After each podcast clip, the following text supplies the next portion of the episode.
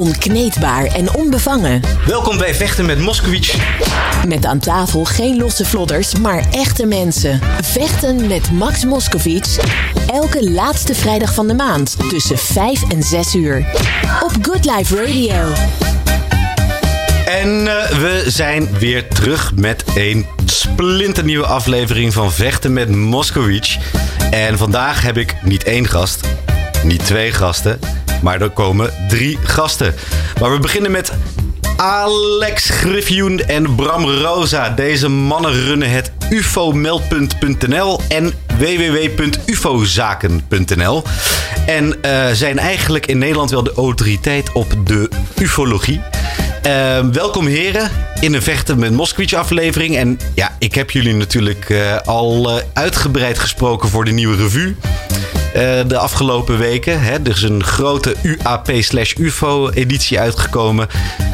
Hoe is het jullie vergaan daarna? En wat is er allemaal op je afgekomen? Vertel, Alex. Nou, het was in eerste instantie een beetje, een beetje moeilijk om het blad te vinden, Max. Dus bedankt voor de instructies. Um, maar het is een gave editie geworden. En ik denk dat het een hele goede stand van zaken update geeft over nou ja, waar, waar we in Nederland zijn. Qua wat er hier gezien is, welke autoriteiten zich ermee bezighouden. Um, voor zover er zich autoriteiten mee bezighouden. En um, het is een leuke, een soort, een soort uh, beginnerscursus ufologie in Nederland, denk ik. Dat is super. Goed gedaan. Ja. Hey, vertel even kort nog even iets over jezelf. Alex Griffioen, uh, 40 jaar oud. En we runnen Wat? nou... Ja joh. Ja. Jesus Christ. Grijs en kaal aan het worden. Maar uh, we doen het UFO-meldpunt nou een jaar of uh, tien. Volgens mij hebben we afgelopen januari ons tienjarig jubileum gevierd. Of eigenlijk niet gevierd. Maar oh. Nee, niet eens gevierd. Nee, we konden niet. We konden niet, want corona. Maar uh, dat gaat best wel leuk. En ja, we zijn het eigenlijk een beetje met z'n tweeën... Tenminste, Bram is het begonnen. Ik ben later aangehaakt. En we hebben daar gewoon helemaal ons eigen dingetje van gemaakt. Uh, een platform waar mensen die dus iets raars gezien hebben, uh, dat kunnen melden. En dan gaan wij ons erover buigen uh, samen met de rest van Nederland. Iets raars wat een UFO zou kunnen Ja. zijn, hè? Dat, Ja. daar hebben we het over. Dus iets raars in de lucht. En, en dat kan van alles zijn. Dus het kan echt een object zijn. Het kunnen ook gewoon lichtjes zijn. En, en alles wat mensen dus meemaken, wat ze niet kunnen identificeren onmiddellijk, dat, dat kunnen ze bij ons kwijt. En dan gaan wij uh, meedenken over een oplossing, maar samen met de rest van Nederland. Want het is een open, een open platform. En iedereen kan meedenken en een uh, reactie achterlaten als ze denken dat ze het antwoord hebben. Ja, Bram, Rosa. Um, het is ook vooral een hoop verklaren, hè, wat jullie doen. Ja, helaas wel. Het is niet allemaal eventjes uh, spannend. Maar um, ja, ik denk dat de, de waarheid uh, gewoon het, het, belangrijkste is. Dus um, heel veel wordt gewoon geïdentificeerd als van, van alles. Van, van satellieten tot sterren, tot planeten, tot, gewoon vliegtuigen. Tot wat, wat minder makkelijkere um, verklaringen. Maar ja, er wordt, ik denk wel 90 tot 95 procent of verklaard omdat ja, mensen gewoon simpelweg niet weten wat er allemaal in, in het luchtruim te vinden is. Uh, of het, ja, er zit gewoon net niet genoeg vlees op de botten om, um, om er echt iets zinnigs over te zeggen. Dus, dus ja, dan blijft er een 5 tot 10 procent over. Maar nog steeds, um, nog steeds voldoende wat ons betreft. Ja, uh, Bram, vertel nog heel even kort iets over jezelf en wat je allemaal doet in het dagelijkse leven. Nou, um, dat is eigenlijk niet echt super boeiend. Maar ik ben net als uh, Alexander een, een, grafisch vormgever. Um, en ja, dat, dat is het eigenlijk wel. Nou, uh, er gebeurt een hele hoop op dit moment. Want, uh, nou ja, misschien vind jij jezelf saai, maar ik vind jullie helemaal niet saai. Want we maken enorme avonturen mee de afgelopen maand. Maanden misschien wel al. Um, want er is nogal wat gebeurd. Hè? Er zijn heel wat ontwikkelingen rondom UAP, UFO. Misschien even voor de luisteraar. UAP is het nieuwe modewoord voor UFO. En dat betekent Unidentified Aerial Phenomenon. En dat betekent eigenlijk, uh, je ziet iets vliegen, het uh, beweegt intelligent, maar je kan niet verklaren en je weet ook niet wat het is. Het hoeft geen alien te zijn, maar het kan bijvoorbeeld ook een uh, geheim wapen van de Russen of de Chinezen zijn. Dus, um, waar, wat is er allemaal gebeurd? Um, in Amerika is iemand naar buiten getreden. Die man die heet Louis Elizondo. En die bleek in het geheim voor het Amerikaanse Pentagon een onderzoeksorgaan te hebben gerund. Dat ATIP heet. En die onderzochten uh, UAP-activiteiten die de Amerikaanse strijdkrachten waarnamen en filmden. En er was ook nog data. Elizondo heeft toen hij ontslag had genomen op eigen beweging uh, met de, goedkeuring van een uh, politicus, meneer Mellon en trouwens ook Harry Reid, beelden gelekt waar er dus door strijdkrachten gefilmde UFO's, oftewel UAP's te zien zijn. Nou, dit is inmiddels drie jaar geleden gebeurd, maar het gebeurt nu nog steeds en steeds meer. onlangs zijn er weer beelden gelekt. En jongens, wat vinden we daarvan? Ik, ik was in eerste instantie niet heel erg onder de indruk van die beelden, maar wel van het gegeven dat het nu eindelijk werd vrijgegeven. Dus dat het Pentagon, of dat er via het Pentagon beelden op straat komen van UAP-waarnemingen, dat is niet eerder voorgekomen. Ja, want Bram, jullie zien eigenlijk wel veel toffere beelden waarschijnlijk dagelijks, of niet? Nou, niet, niet helemaal hoor. Ik bedoel, het, het, het, het, probleem van, van UFO's is ook vaak dat ze heel moeilijk waarneembaar zijn. En dat maakt het ook zo, zo interessant. Maar dus die, die, die Pentagonbeelden, en nu ook weer nieuwe, door Jeremy Corbell vrijgegeven, ja, vliegende piramides. Um, ja, het, het, blijven altijd een beetje wazige beelden. Maar als je uh, dat combineert met de verhalen van de uh, militairen die ze hebben gezien, of zelfs bij ons gewoon de waarnemers die ze hebben gezien, ja, dan wordt het opeens een heel interessant verhaal. Ja, want dit is dus niet helemaal exclusief voor Amerika, want uh, dat weten heel weinig mensen. Maar een van de grootste en belangrijkste waarnemingen van een UFO ooit ter wereld is in Nederland geweest. En nu zijn jullie twee mannen daar echt behoorlijk in gedoken. Wie wil eerst? Soesterberg. Ga je gang, Bram.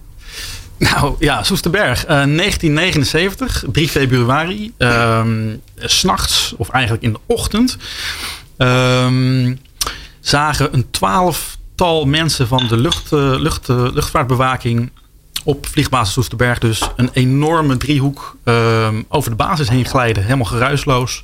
En dat ding was zo groot als de startbaan. En de startbaan is ongeveer 40 meter breed.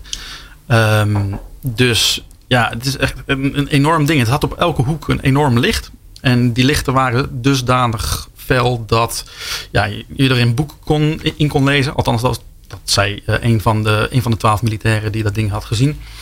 Um, uiteindelijk is door de luchtmacht is het officieel verklaard als een soort van Fata Morgana of een uh, ja, een luchtspiegeling. Een luchtspiegeling, inderdaad. Ja, een luchtspiegeling van 40 meter die pal boven je hoofd hangt, ja, de hele ja. de baan ja. verlicht en uh, stil hangt. Ja, dus de militairen die waren het er ook niet mee eens. Uh, en die zeiden van, nou ja, als, als dit inderdaad een luchtspiegeling is, dan hoor ik niet uh, op, een, op een luchtmachtbasis, een streng beveiligde luchtmachtbasis te werken.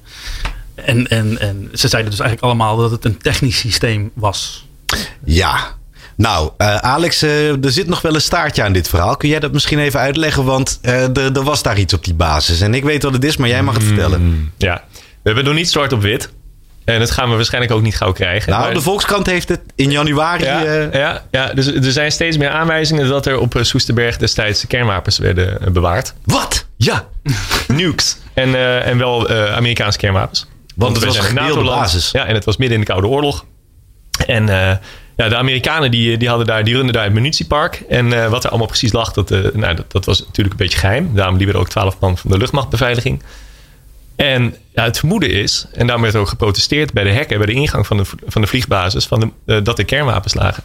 En wat we zien in, nou, wereldwijd, met name rond de Koude Oorlog, is dat er dus verhoogde UAP-activiteit is rond lanceerinstallaties, kerninstallaties, gebieden waar atoomproeven zijn gedaan.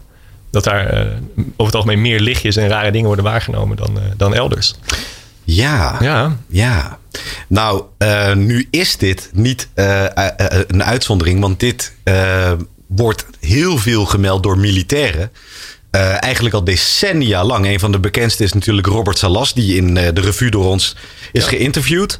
Ehm, ja, en die man die, die was er dus getuige van dat er zo'n UAP in 1967 boven zijn basis Malmstrom eh, hing. En daar lagen dus ook kernwapens. En dat ding heeft gewoon tien kernkoppen uitgeschakeld. Hij zag het gebeuren. En weer aangezet. Oh ja, en weer aan en weer uit. Zo van, haha, ik controleer deze shit. Ja, het is bizar. Ja. Jongens, eh, niemand weet wat het is, maar wat willen we dat het is? Ik wil gewoon dat het aliens zijn, fuck it. ja dat, is wel het, dat is wel het verhaal waar wij het voor doen. Ja, Nou, toch? Ik, zelf denk ik dat, dat het, dat het UFO-fenomeen helemaal niet zo makkelijk is als zomaar ruimtewezens. Ik denk namelijk echt dat het een mixed bag is. Dus al- allerlei verschillende eh, fenomenen. Ehm, maar ik denk, aangezien er ook een ja, een soort van paranormaal tintje aan zit bij sommige uh, close encounter verhalen. Denk ik misschien nog wel dat, dat we te maken hebben met een fenomeen wat we eigenlijk niet eens kunnen graspen met onze. Ja, jij bent uh, ook veel bezig met abductions en. Uh, ja. ja, en, en wat is het, de multi. Uh... Nou ja, ja iedereen die zegt dat ze, dat ze weten wat het UFO-fenomeen behelst, ja, die, die liegen gewoon. Dus ja, we weten gewoon niet wat het is. Dus voor hetzelfde geld is het inderdaad een multidimensioneel. Ja, houdt de opties gewoon open. Zeker, ja. Ja, ja slim. Slim. Nu uh, gaat er zo een, uh, een gast inbellen uit Amerika. Zijn naam is Louis Jiménez. En uh, ik heb hem verteld over Soesterberg. En nou, ik zag bijna zijn, zijn hersenen uit zijn pan knallen. Hij wist het niet. maar ik heb er ook met de Pentagonbaas Louis e-, Elizondo over gesproken. En die wist het wel. die kende de case. Uh, Louis Elizondo, dus de, de, de meneer die de beelden heeft gelekt, is te gast geweest in Vechten met. Die kun je terugzien op het uh, kanaal. Um, dan uh, spreek ik dus met de echte Pentagonbaas die dit fenomeen heeft onderzocht, beelden vrijgeeft en ja, met tijd en wijle een beetje geheimzinnig doet. Maar je voelt aan alles dat hij het heel graag wil vertellen. Hoe hebben jullie dat beleefd, jongens? Oh, daar is, daar is Louis. Ik ga hem even binnenhalen. Dit is Louis Jiménez. I'm here with uh, Bram Rosa and uh, Alex Griffioen. And these are the guys who run the UFO hotline in the Netherlands. And um, I think it's really cool for you to talk to them because they know a lot about the Soesterberg UFO case I told you about. Yeah. But first, let me introduce you to the Dutchies. My uh, dear audience, you are looking at Lou Jimenez. I hope I pronounced that right. Yeah. And yeah, this kid, yes, Bas. Yeah, hollandaise sauce. and uh, my friend um, uh, Louis uh, just uh, dropped a UFO podcast, and uh, he did a eight-hour marathon with the who's who of politics, uh, you know, ufology, uh, filmmakers, uh, military men. It was just amazing, and he just went like a rocket. And uh, my friend, uh, yeah. it, it, it, it's an honor to know you. Um, do you uh, want to know more about the Soesterberg case because these are the experts right here. Of course, yeah. No, it's, it's, it sounds like a damn fascinating case. Thank you for having me. Hello to all of my Hollandaise. uh, uh, yeah, man. No, I'm. Hey, listen. Uh, it's fun to be here. It's this has probably been the most uh, ex- exciting uh, some of my most exciting moments of my life, just having conversations like this. So, uh, yeah, I'm ready. I'm buckled in. I can't Lewis, wait to hear about this. Lewis, how did this? How how does did did, did you start this? How how did you?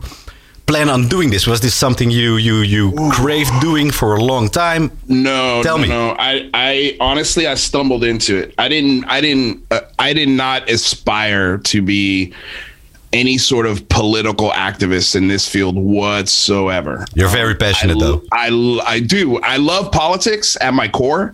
I do love American politics, but the problem with talking, I would this my show originally, I was going to do a political ch- talk show.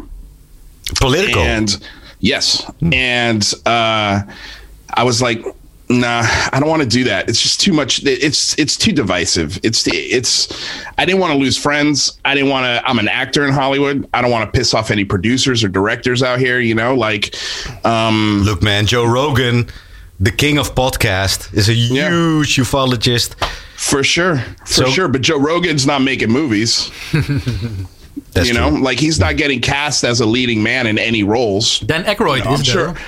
Dan, dan Aykroyd yeah, he's he's a giant UFO buff. Yeah. No, True. he's a giant UFO buff. But then again, he's Dan Aykroyd. You know, I mean, Dan Aykroyd does a movie once every once in a while. Yeah. But I agree, Dan Aykroyd is a gem of a man. I love him. Uh, but I'm just saying, like, it's a weird topic, and instead of um, putting myself in an awkward position from a political conversation point of view. I'd was like, well, if I put myself in an awkward position because I'm talking about UFOs, what's the worst that could happen? You know, from that, I'm not going to piss anybody off because I've got a strong opinion about UFOs. You know, um, so that's kind of, and then also coupled with that at the around the same time I was right before I started the show actually I met Lou Elizondo. He came into my restaurant and I and I served him food. It was it was uh, of one of the coolest moments as a server in my life Uh because uh, I got you are an actor. yeah I mean I'm I'm a professional server really is what I am.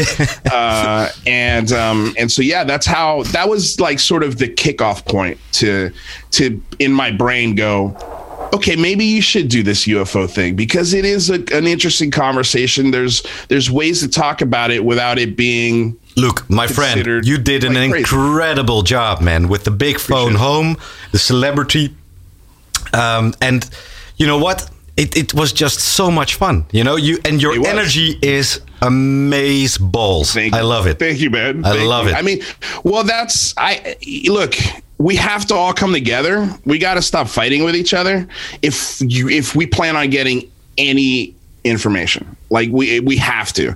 This pointing at each other's got to stop. We got to start pointing up. Yeah, got to start pointing up, and uh, and we got to come together on the common ground. I mean, look, this is like any other political movement in the history of man.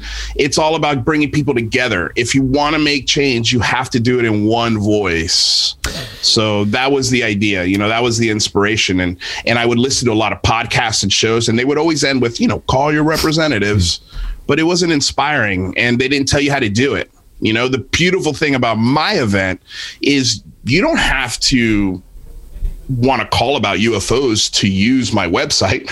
You can use my website to call about any political issue you want.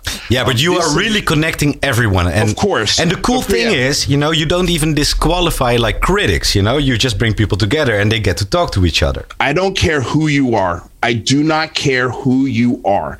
If you think that the government has more information and you want to amplify your voice to let them know, please come with me. He even let us Danish people in. It was amazing. Mm. Yeah, yeah, of course. How could I not? How can I not? He called me Danish. I did. I did. I called him Danish, and I called the people of uh, Holland the, the Ho- what did I say? The hollandaise. The hollandaise, which is a sauce. it's a sauce. It's something you put on eggs. Yeah, uh, but it is delicious. Look, uh, Lewis, I'm gonna stop talking for uh, for a minute. I want uh, yeah. these guys to interact with you. All right? Let's go. Let's do it. Who, who goes first? Um, Lewis, I um, I heard on the Big Phone Home or the recap, I, I don't remember, that you liked to hear the uh, the point of the American side of the story of the mm-hmm. UFO of Soesterberg. The, the the problem is with um, with that part of the story is there there was a sighting by uh, by uh, a dozen of um, military policemen, but they were all Dutch, so there wasn't really anyone from the American side of the base uh, that saw the UFO. Allegedly, some months later, there were some uh, American soldiers that also saw the UFO or another UFO, um, but that was never recorded or documented. So, you know, that's that's yeah. the that's the thing. Well, I'm sure too. I mean, look, getting anything out of the American side of the military, is, especially when it's another country that you're trying to get the information. Um, if the incident that is happened in another country, it's that usually hid behind a couple of walls of of classification. Um, so the fact that the story even made it out that far is, I think, pretty impressive. Yeah. Luis, I'm curious. Um, we've we, have we have done our uh, like the Dutch equivalent to the FOIA request, which would be a WOB. Um, mm-hmm. We've done an actual FOIA request for more information on this. Uh, this was during the Cold War, and um, uh, we were a NATO country. And I was wondering, do you know if there's like a, another desk where we could submit anything similar to a FOIA uh, request to that pertains to NATO classified cases? That's a great question. Um, so you're trying to submit a FOIA type request into for, to get information from the United States perspective of things? Yeah, so we did that, and we we, we got nothing basically. Yeah. and then um, we figured because it's a NATO alliance, right?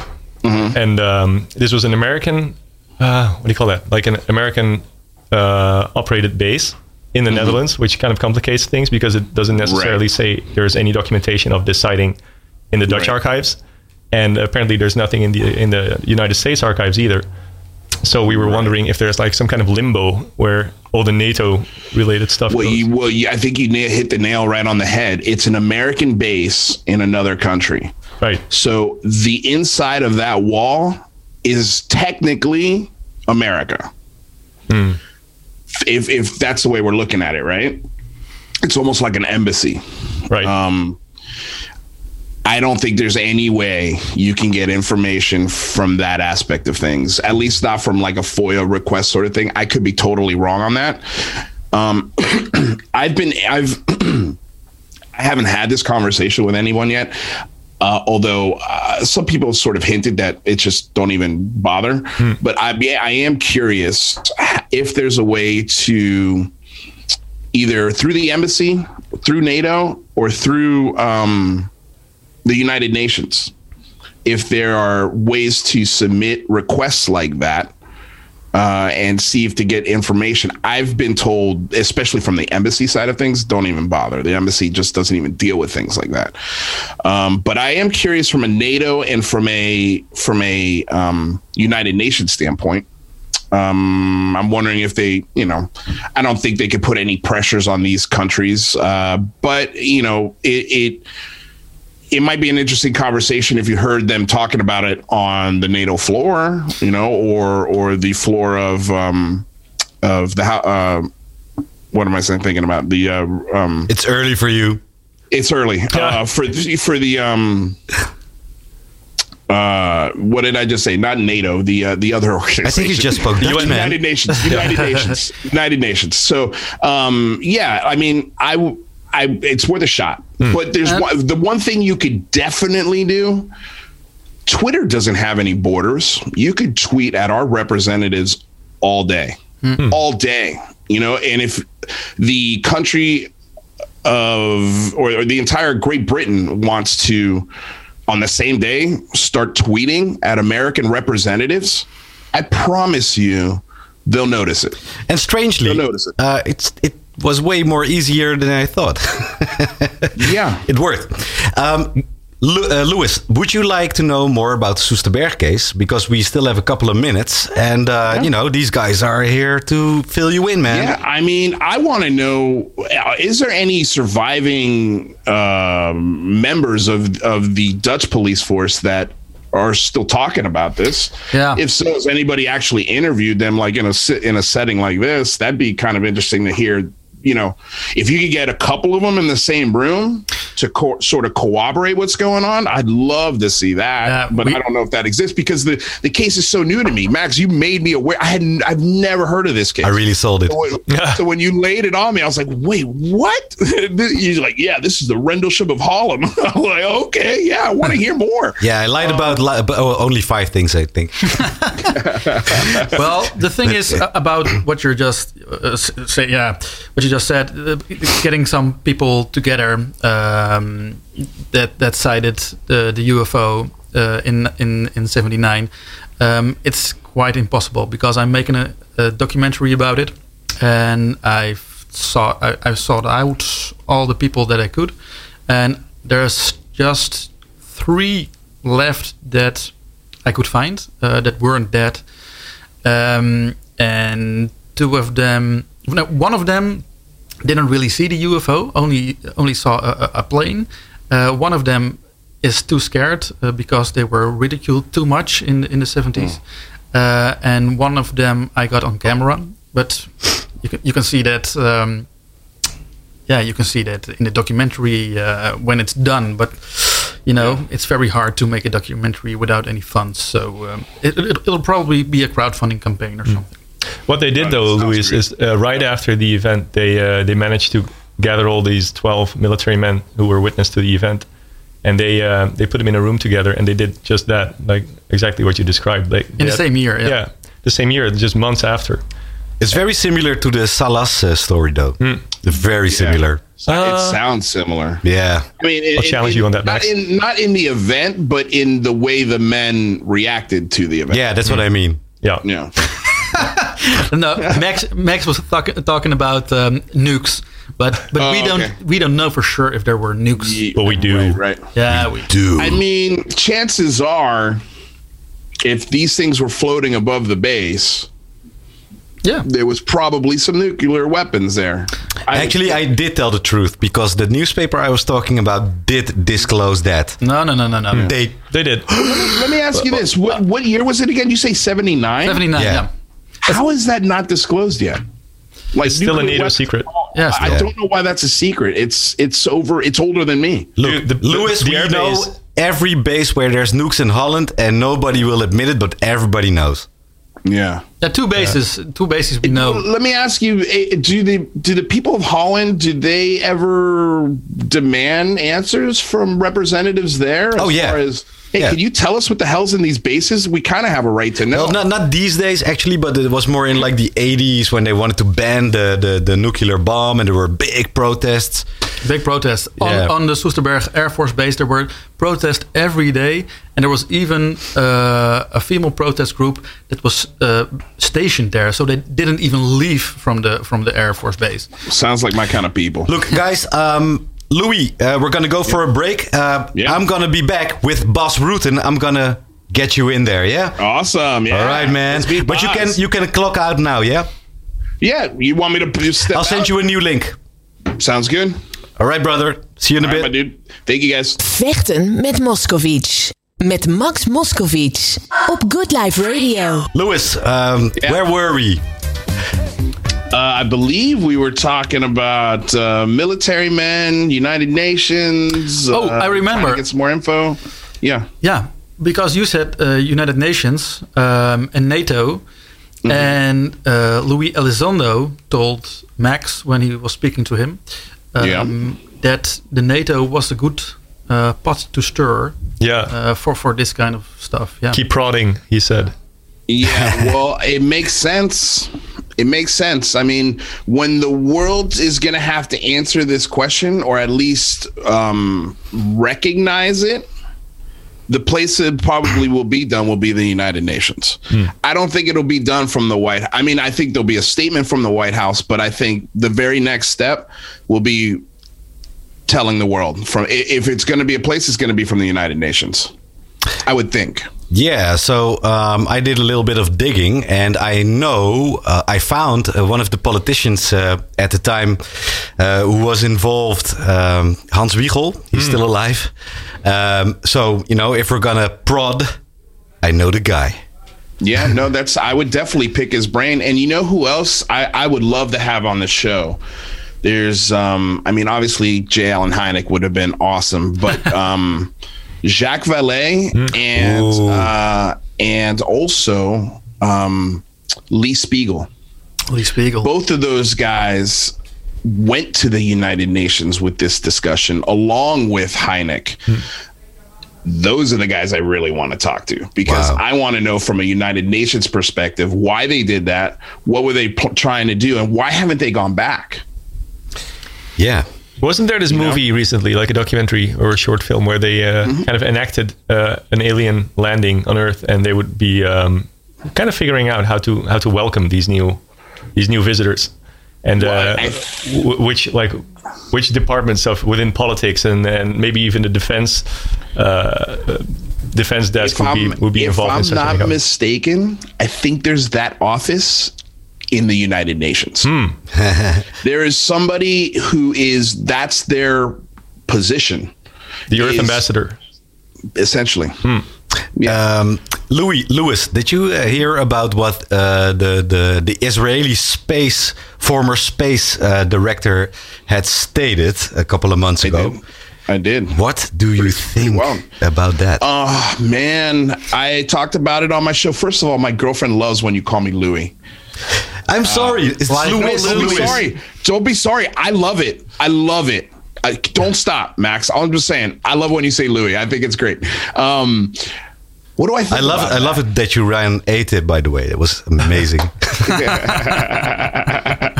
Um, ah, God, you know what I really, you know, I, some the other Israeli scientists, but he's American or he's lives in America.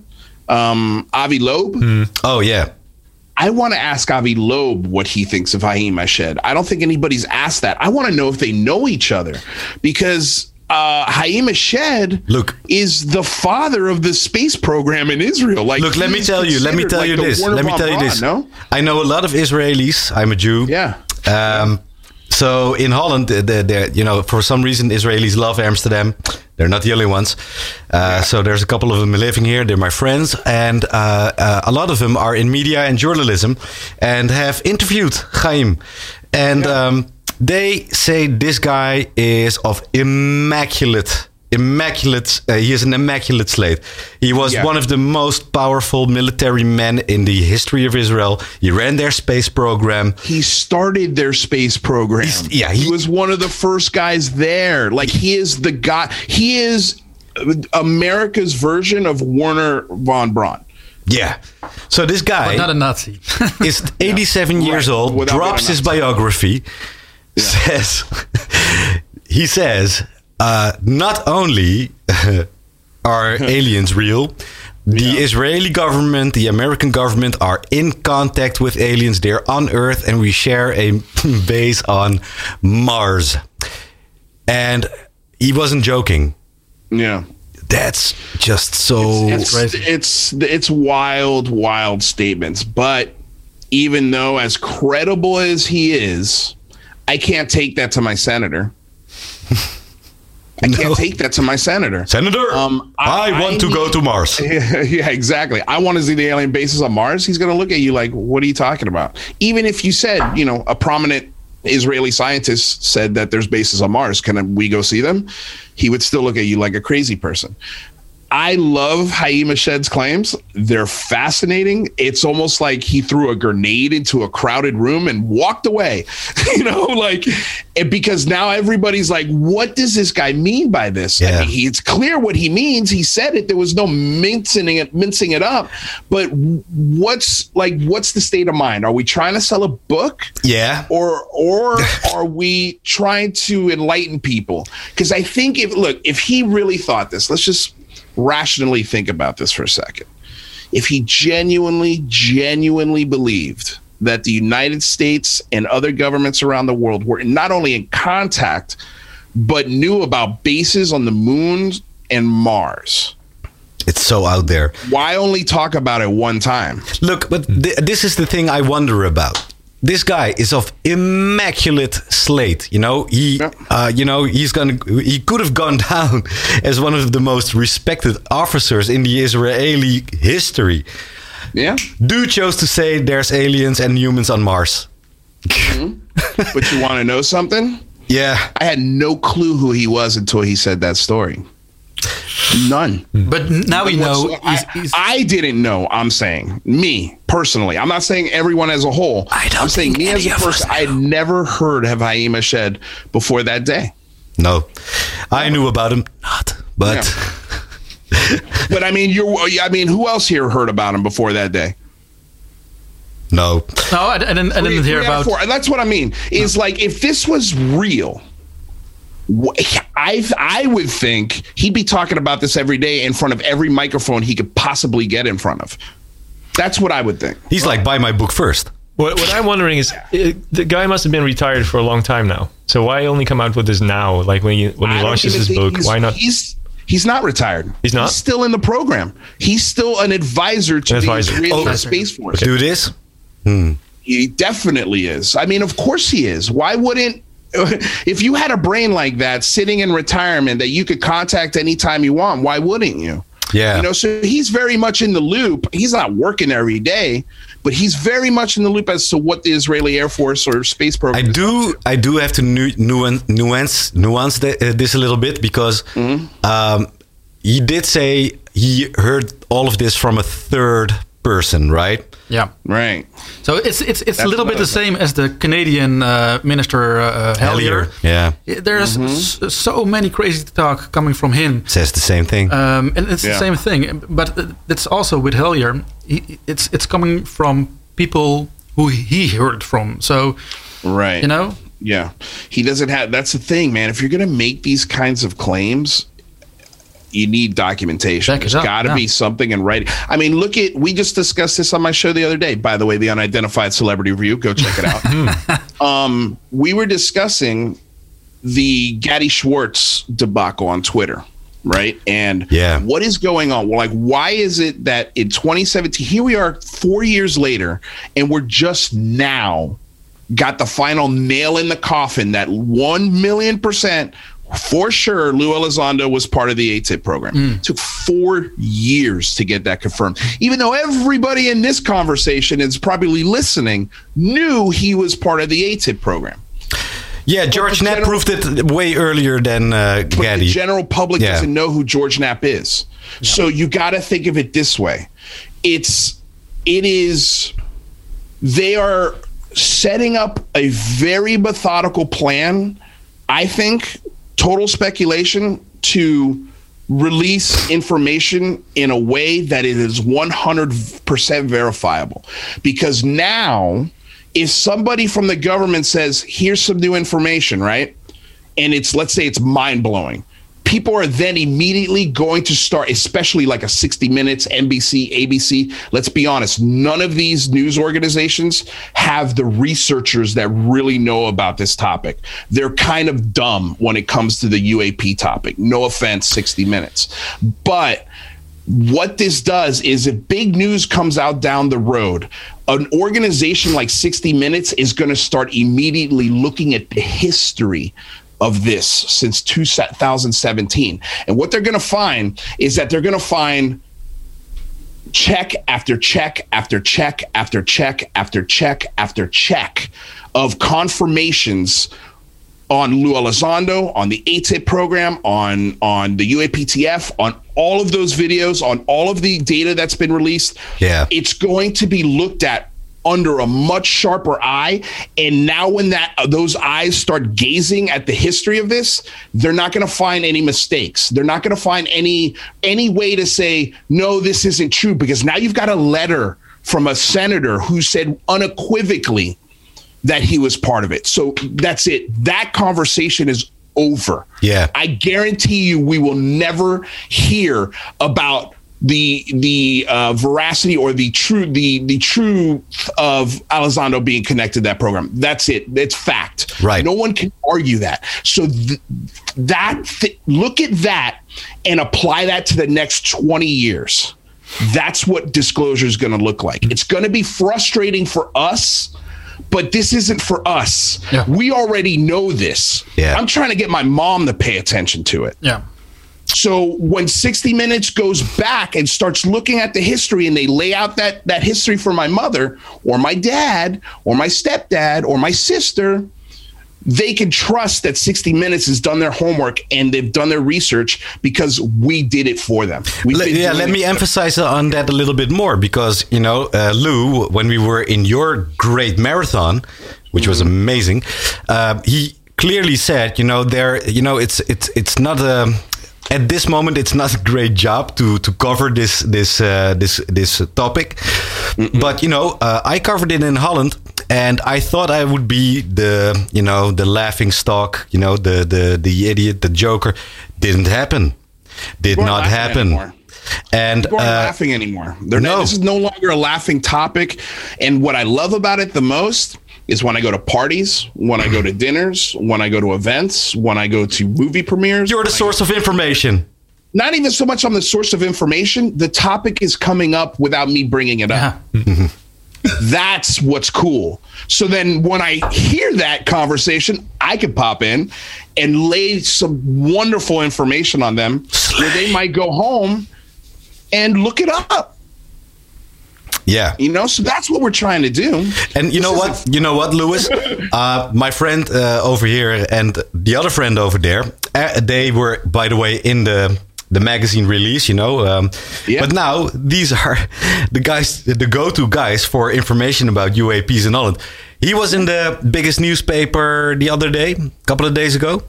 Te- uh, Telegraaf Today en Volkskrant, Volkskrant Tomorrow. Oh, I didn't even know that. Those are the two two biggest papers in this country. And jij, what, Nice. what are you doing? Uh, I, I do the occasional radio commentary and uh, yeah, uh, and print every now and then. so now you have like three guys in this whole country who knew, who know a little bit. But we, we Hey, we've man. been we've been fighting this this good fight like uh, like uh, For years. Yeah, yeah. for years, uh, 15 years. Years. 2005, uh, I, I started this all. Yeah. Here's the thing on my show right now, we've got two military guys that come on all the time Jeremy McGowan and Jazz Shaw, who's a journalist and contributor. Uh, not to my program, but to other actual journalist entities. Hey, Jazz. Both of them, both of them, yeah, right. It, it was great. Jazz's wife yelled at him the other night on my stream to get off. So I saw it. come eat dinner. It was so funny. Um, but the thing that I really get from them, and the thing that I got from a lot of the military guys that showed up to the big phone home, they're angry. They're pissed off. Like they're they are tired of not only are they angry, but all of the researchers that have been looking at this for 40, 50 years, the guys that have done the real legwork for dummies like me to pick up and run with. Um, they are pissed. And they're also telling me, you know, we've seen this before. They're going to pull the rug out from under us. They don't believe the government whatsoever. They do not have, they have zero trust and they fought and bled for our government. Yeah, and these guys are That's the main you something. observants. They're the main observers and they're not being taken seriously. And that irks them the wrong way. Yeah. It really, really does. And so that is the the most important message that I have for any government official listening to what we're trying to say. This is a golden, I mean, a gold, it is literally being put on your lap opportunity to win trust Yeah. trust. There is a big time trust issue between the American people and its government. And I don't know how you how what your trust levels are with with the the government. Oh, Okay, but that's all. this this topic is a golden opportunity for governments around the world to win a lot of credibility and trust with the American people and the and the, the people of the world. This is they need to see it as that. Yeah. Well, you know, here in Denmark, we only have five inhabitants. I know the president. He's my neighbor. Yeah. Um, no, just kidding. Um, but look, um, we're we're gonna elaborate on this a little bit more, uh, and I think my friend Bas Rutten is gonna call in in about thirty minutes. If you want to stick around, uh, Lewis. Yeah, yeah, man, Uh, I'm here. you like As MMA? as you need me. I, I'm not a violent person. That- I've never watched one MMA fight in my life. you don't have to fight. Yeah, I know, I know. You know what? I yeah, I just yeah. No. I don't know. Look, I'm gonna say me. goodbye to you right now, but I'll see you hello to you in a little bit. I'll be ready. So I'm I'll gonna get, guys. I'm gonna wrap this up. Yeah. Thank you. Dankjewel Bram Rosa en Alex Griffioen. Strijders. Nog een eindquote, nog een plug. Heel snel. Als je iets raars ziet vliegen, meld het bij uvomeld.nl. Wil je meer weten over wat voor raars andere mensen zien vliegen, kijk daar ook. Maar kijk vooral even op ufozaken.nl. Want daar documenteren wij de, de meest opmerkelijke casussen van Nederland. Awesome. Bram. Nee, dat is het wel een beetje inderdaad. Oh, en vergeet niet eerst eventjes, als je een UFO gaat melden, eerst eventjes bij de verklaringen pagina kijken voordat je een melding doet. Dus er staan heel veel verklaringen op. Misschien is er wel eentje van die jij hebt gezien. En als je van de media bent, eh, nou, benader deze dudes, want zij weten alles. Hey, dit was het laatste eh, stukje van deze aflevering van Vechten met Moskowitz. En eh, nou, tot de volgende vrijdag, laatste vrijdag van de maand maar weer. Vechten met Moskovits. Met Max Moskovits. Op Good Life Radio.